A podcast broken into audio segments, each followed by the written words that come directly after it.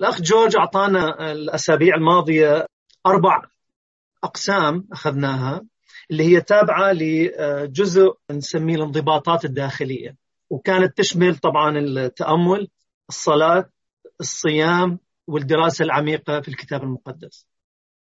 اليوم رح نبلش أول دراسة بالجزء الثاني اللي هو عن الانضباطات الخارجية. ورح يكون عنوانه البساطة. طبعا هو عنوان البساطة لكن بصراحة من الدروس الصعبة جدا يعني. أنا يعني من هيئة الدرس شفت فيه كثير كثير أمور. أعتقد ممكن يكون عندنا بعض الأسئلة حول بعض النقاط يعني. فيا ريت أي واحد عنده أي سؤال أي فكرة مثلا يريد يتناقش فيها خلي يسجلها عنده بالورقة وفي وقت مناسب نقدر نتناقش في الموضوع. وأيضا أنا بس أريد أحكي إنه هذا الدرس راح يكون اولا إلي. يعني أنا مو قاعد أنظر عليكم إنه أنا ممتاز ومطبق كل شيء بالدرس لا أنا بالعكس. أنا أول الناس اللي أخذتها شخصي على حياتي وأثر فيها يعني. البساطة بس حابب أعطي هيك هايلايتس يعني نقاط سريعة قبل ما أبلش الدرس. البساطة هي عكس الازدواجية. البساطة ليست الزهد. البساطة ليست عدم امتلاك الأشياء. البساطة ليست الرقة. لما نكون أي واحد من عندنا يكون فعلا عايش بالبساطة الداخلية راح يكون مظهره بالكامل مختلف. راح يكون واضح الصراحة أكثر صراحة ويكون فطري يعني اللي بقلبه على لسانه. وأيضا البساطة تخلينا يكون عندنا انفتاح ووداعة وبراءة وبهجة وصفاء وعيون نقية. كل هاي الأمور اللي تقدر تعرف الشخص يعني عايش ببساطة ولا ولا لا. أيضا الفرق بين البساطة والازدواجية البساطة هي حرية. أنت ما بتقيد بأي شيء. الازدواجية هي عبودية. البساطة تجلب الفرح والتوازن. الازدواجية تجلب القلق والخوف. انضباط البساطة المسيحي هو صدق داخلي وأمانة داخلية ينتج عنها نمط حياة خارجي. وطبعا الاثنين هم مهمين يعني الداخلي والخارجي مهمين. ما نقدر ناخذ جزء ونلغي جزء آخر. أوكي إذا أني داخليا زين وعندي صدق وأمانة وعندي بساطة بس ما عندي أي شيء خارجي يعني ما أعمل شيء لهاي البساطة فأنا قاعد أخدع نفسي. يعني. وإذا كان العكس إذا كان خارجيا أحاول أبين للناس إنه أنا بسيط لكن أنا في داخلي لا فهاي حتكون ناموسية. وفي الحالتين هي خطر اللي عنده بساطة داخلية وخارجية راح يكون كلامه مخلص وصادق. ما يكون أكو مكان لشهوة المكانة أو للمركز. وأيضا ما يكون أكو إسراف مبهرج بحياته. ما بها هذا الصدق الداخلي والنمط الحياة الخارجي للبساطة. يعني حياتنا بالعكس عكس البساطة. وما عندنا أي وحدة أو تركيز حول حياتنا. لأننا نفتقر إلى مركز إلهي واضح في حياتنا. تقودنا حاجتنا للأمن إلى نرتبط بأمور الأشياء اللي حوالينا نرتبط بها ارتباطات قوية جدا بحيث نهمل أي تركيز إلهي في حياتنا. وأيضا في حياتنا في خاصة في هذا الزمن يعني أكو اضطرابات عقلية يعني. الاضطراب العقلي هو عبارة عن تغيير مفاهيم ومبادئ. نقعد نغير بها ونتلاعب فيها. وأيضا تجي من شهوة الثراء وعبادة المال والجشع والطمع إنه نفقد الاتصال بالواقع. أكو جملة هنا آه، كثير حلوة أثرت فيا. يقول إن الامتثال لمجتمع مريض هو أن نمرض. إذا أنا رح أمتثل لمجتمع مريض فلازم أمرض أنا على مود أقدر أمتثل لهذا المجتمع. الاضطراب العقلي يجعلنا نغير مفاهيمنا ومبادئنا بحيث مثلا الطمع نسميه طموح. الاكتناز نسميه تعقل. الجشع نسميه مثابرة. شوف حتى نغير معاني الكلمات. بصراحة محتاجين إلى شجاعة على مود نصيغ طرق جديدة أكثر إنسانية للعيش. الآن نريد ندخل بالكتاب المقدس والبساطة. نريد نشوف الكتاب المقدس إيش حكى عن البساطة. المسيح إيش حكى التلاميذ إيش حكوا عن البساطة. لكن قبل ما ندخل في الآيات من الضروري أنه ندمر بعض الأفكار السائدة الخاطئة. يعني مثلا واحدة من الأفكار أن الكتاب المقدس غامض بشأن القضايا الاقتصادية. أو ممكن نقول أنه هذا الموضوع يعني موضوع الثروة والمال هذه مسألة فردية يعني. أنه تعاليم الكتاب المقدس بهذا المجال هي مسألة تفسير خاص. ها هي الأفكار اللي موجودة حاليا بالمجتمع حول البساطة. وحنشوف هسه الآيات اللي حكاها يسوع المسيح شخصيا والتلاميذ حول البساطة. الأوامر الكتابية ضد استغلال الفقراء وتراكم الثروة واضحة ومباشرة. يعني مثلا يعارض العهد القديم المفهوم الشائع للحق المطلق في الملكية الخاصة. يعني إحنا نعرف إحنا عايشين بزمن الملكية الخاصة يعني إنه أي واحد عنده ملكية هذه ملكيته انتهى. ما ممكن أحد يشاركه فيها وهو آه، حر فيها. لكن العهد القديم ربنا من كان يتعامل مع شعبه يمكن رح تستغربون إنه ما كان الأرض ملك لأي واحد. والدليل هاي الآية موجودة في لاويين 25 الرب بيحكي مع الشعب بيقول والأرض لا تباع بتة لأن لي الأرض وأنتم غرباء ونزلاء عندي. يعني فشي واضح الرب يقول هاي الأرض إلي. وأنتم عايشين على الأرض هذه كنزلاء وغرباء. الكتاب المقدس بيعلن بوضوح هنا إنه الأرض هي ملك لله. كان أكو سنة اليوبيل في العهد القديم ربنا وضعها كل خمسين سنة. هاي سنة اليوبيل هي هدفها إنه إعادة توزيع الثروة بشكل منتظم. يعني ما كان واحد يظل عايش بمكانه لمدة خمسين سنة كاملة يعني, يعني تشوف الناس مثلا حتى لو يبيع ويشتري لكن الأرض بالأخير ترجع تتداور بين الناس فالنظام يعني بالنسبة لنا يمكن نشوفه غريب يعني بس هذا هذا نظام ربنا في في العهد القديم. أيضا الكتاب المقدس بشكل حاسم يتعامل مع الروح الداخلية للعبودية اللي تجلبها الارتباط الوثني بالثروة. يعني أي ارتباط بالثروة هو عبارة عن عبودية عبودية إلي. في مزمور مثلا إن زاد الغنى فلا تضع عليه قلبا في أمثال من يتكل على غناه يسقط أيضا المسيح لما يحكي عن الغني اللي يعني اللي يشبه في تشبيه حلو رائع يعني المسيح يقول إنه صعب على الغني إنه يدخل ملكوت السماوات أصعب من ما يدخل الجمل في ثقب الأبرة. يعني هذا تشبيه واضح إنه الثروة وحب الثروة والتملك راح يخلي الإنسان فعلا بعيد عن المركز الإلهي وراح بالأخير يخسر خلاص. وطبعا يسوع يحكي الحكي يمكن مرات الناس تقول طيب ليش؟ ليش الغنى؟ لا يسوع يعرف بوضوح الصعوبة اللي موجودة في هذا الموضوع في الثروة وفي المال. لأنه الثروة تقبض على الإنسان. لها قبضة قوية جدا. بحيث صعب على الإنسان أنه الإغراء مالتها يبعد عنه. كان المسيح أيضا يعلم هذا الشيء. لذلك أمر أتباعه وشوف مثلا في متى ستة لا تكنزوا لكم كنوزا على الأرض حيث يفسد السوس والصدأ وحيث ينقب السارقون ويسرقون. بل اكنزوا لكم كنوزا في السماء حيث لا يفسد سوس ولا صدأ وحيث لا ينقب سارقون ولا يسرقون. لأنه حيث يكون كنزك هناك يكون قلبك أيضا. الحلو إنه الرب هنا ما يقول إنه لا لا تخلي قلبك مع كنزك. لا ما يقول هيك لأنه يعرف كل الزين إنه قلبنا راح يكون مع كنزنا. وين كنزنا راح يكون قلبنا موجود. لذلك المسيح ده يطلب إنه خلي كنزك يكون في السماء. لأنه بالحاله إذا قلبك إذا كنزك في السماء اوتوماتيكيا قلبك راح يكون معه. وأيضا المسيح لما حكى مع الشاب الغني اجى واحد عليه قال له يا معلم ماذا أصنع لكي أرث الحياة الأبدية؟ فالمسيح قال له أنه بيع كل ما لديك. هنا المسيح مو كان قصده بس أنه ينفصل عن ممتلكاته بس داخليا يعني وإنما حرفيا إذا أراد ملكوت الله. مثلا في لوقا 12 انظروا وتحفظوا من الطمع فإنه متى كان لأحد كثير فليست حياته من أمواله. وأيضا نصح المسيح الناس اللي جاءوا طالبين الله قال لهم بيعوا ما لكم واعطوا صدقة. اعملوا لكم أكياسا لا تفنى وكنزا لا ينفذ في السماوات. كلام المسيح دائما واضح ومتكرر نفس نفس المعنى.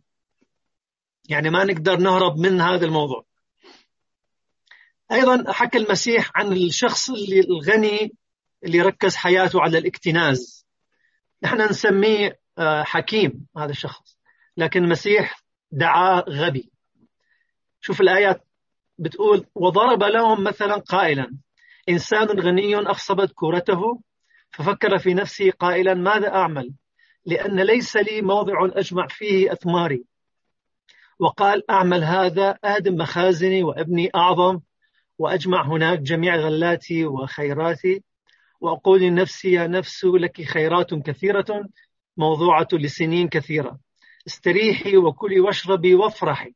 فقال له الله يا غبي هذه الليلة تطلب نفسك منك فهذه التي أعددتها لمن تكون. هكذا الذي يكنز لنفسه وليس هو غنيا لله. أيضا المسيح وضح إذا أردنا ملكوت الله حقا فعلينا أنه نكون مستعدين أن نبيع كل شيء من أجل أن نحصل عليه. من خلال المثل اللي حكاه المسيح عن التاجر اللي يبحث عن لآلئ جيدة.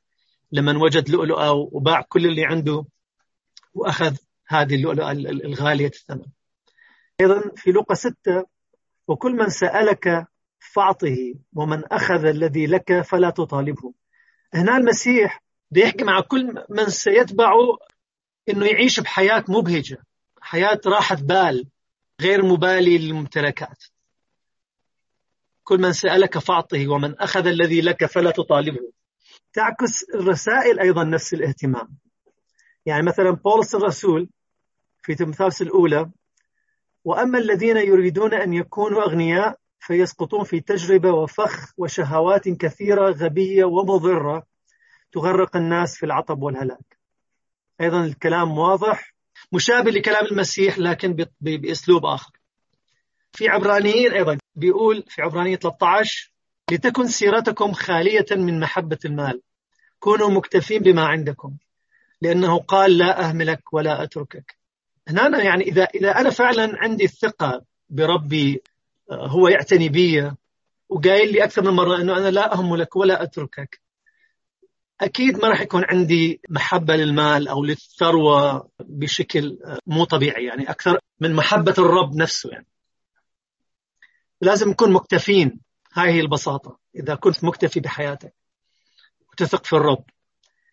أيضا يعقوب يلوم على القتل والحروب اللي موجودة في العالم على شهوة الامتلاك. آيات قوية أيضا في يعقوب أربعة. من أين الحروب والخصومات بينكم؟ أليست من هنا من لذاتكم المحاربة في أعضائكم؟ تشتهون ولستم تمتلكون. تقتلون وتحسدون ولستم تقدرون أن تنالوا. تخاصمون وتحاربون ولستم تمتلكون لأنكم لا تطلبون. هاي هي الحقيقة حقيقة مجتمع, مجتمع يعني حياتنا الآن مجتمعاتنا الآن. أيضا بولس الرسول يسمي الطمع عبادة أوثان. ويوصي بتأديب صارم ضد أي شخص مذنب بالطمع. أيضا بولس الرسول يضع الطمع إلى جانب الزنا والسرقة. ويقول أنه لن اللي عنده هالأشياء لن يرث ملكوت الله. وأيضا بولس الرسول ينصح الأثرياء أن لا يثقوا بثروتهم بل يتقاسموا بسخاء مع الآخرين. شفنا من خلال يعني أعداد اخذناها عن, عن المسيح شخصيا وعن التلاميذ أيضا الكل ماشيين بنفس الاتجاه إن هي البساطة في الحياة عدم التركيز على الممتلكات والثروة في في حياتنا. لكن الله يريد لنا رزق مادي كافي. الفقر القسري يعني اللي أنا أفقر نفسي قسريا هذا شر هذا يعني عكس الكتاب المقدس.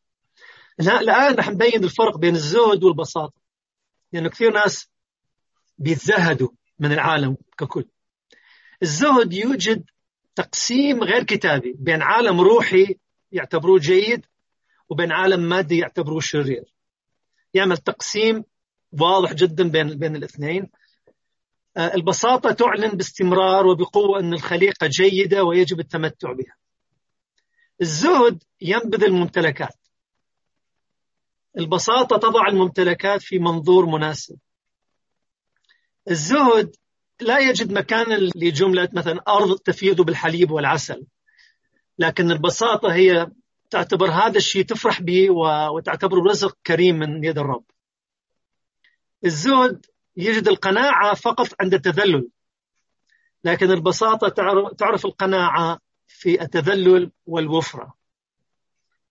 البساطة هي الشيء الوحيد اللي يعيد تشكيل حياتنا بشكل كامل بشكل وافي بحيث نستمتع بممتلكاتنا بدون ما ممتلكاتنا تدمرنا. لكن بدون بساطة راح يا إما نستسلم لعبادة المال أو نقع في الزهد. وبالحالتين طبعا هذه نهايتها موت روحي. الآن أكو نقطة محورية من كلام المسيح راح نركز عليه اليوم. أنه البساطة بسبب أنه هي أكثر وضوحا من باقي كل الانضباطات اللي أخذناها وبالتالي هي أكثر عرضة للفساد. السؤال اللي يطرح نفسه ليش إحنا المسيحيين يعني ما ما نسمع عن هذا الموضوع؟ يعني ما نحكي فيه ما نصارع آه، مع مشكلة البساطة في حياتنا. السبب البسيط إنه إنه الانضباط هذا البساطة يتحدى بشكل مباشر مصالحنا في الثراء ونمط الحياة. لذلك تشوفون إنه إنه أكثر الأحيان الكنائس ما بتحكي عن موضوع البساطة النقطة المحورية في كلام المسيح الآن رح نقرأ هاي الفقرة ونركز على إيش يريد المسيح يوصل لنا من هاي الفقرة. في متى ستة لذلك أقول لكم لا تهتموا لحياتكم بما تأكلون وبما تشربون ولا لأجسادكم بما تلبسون. أليست الحياة أفضل من الطعام والجسد أفضل من اللباس؟ انظروا إلى طيور السماء إنها لا تزرع ولا تحصد ولا تجمع إلى مخازن وأبوكم السماوي يقوتها ألستم أنتم بالحري أفضل منها؟ ومن منكم إذا اهتم يقدر أن يزيد على قامته ذراعا واحدا. ولماذا تهتمون باللباس؟ تأملوا زنابق الحقل كيف تنمو؟ لا تتعب ولا تغزل. ولكن أقول لكم إنه ولا سليمان في كل مجده كان يلبس كواحدة منها. فإن كان عشب الحقل الذي يوجد اليوم ويطرح غدا في التنور يلبسه الله هكذا. أفليس بالحري جدا يلبسكم أنتم يا قليلي الإيمان؟ فلا تهتموا قائلين ماذا نأكل أو ماذا نشرب أو ماذا نلبس. فإن هذه كلها تطلبها الأمم لأن أباكم السماوي يعلم أنكم تحتاجون إلى هذه كلها. لكن أطلبوا أولا ملكوت الله وبره وهذه كلها تزاد لكم. النقطة المركزية والمحورية في انضباط البساطة هي البحث عن ملكوت الله وبره أولا بحياتنا. والباقي كلها تترتب بعد هذه الأولوية. أيضا النقطة الأساسية هنا أنه لازم نحافظ على الأول كأول بحياتنا. يعني ما نخلي أي شيء ثاني يصير قبل الأول اللي هو ملكوت الله. والتركيز على المملكة إذا تركز بحياتك على مملكة الله راح ينتج في داخلك صدق وأمانة داخلية. الشخص اللي ما راح يسعى للملكوت أولا عمره ما راح يسعى لها طبعا في عندنا أكيد في اهتمامات أخرى بحياتنا جديرة بالاهتمام لكن في اللحظة اللي نضع هذيك الأشياء هي الأولوية بحياتنا راح نكون عايشين بعبادة وثنية. ابتعدنا عن البساطة المسيحية اللي يريدها الرب من عندنا. كما وضح المسيح في في المقطع اللي قرأناه المركزي هذا التحرر من القلق هو أحد الأدلة الداخلية على البحث عن ملكوت الله أولا.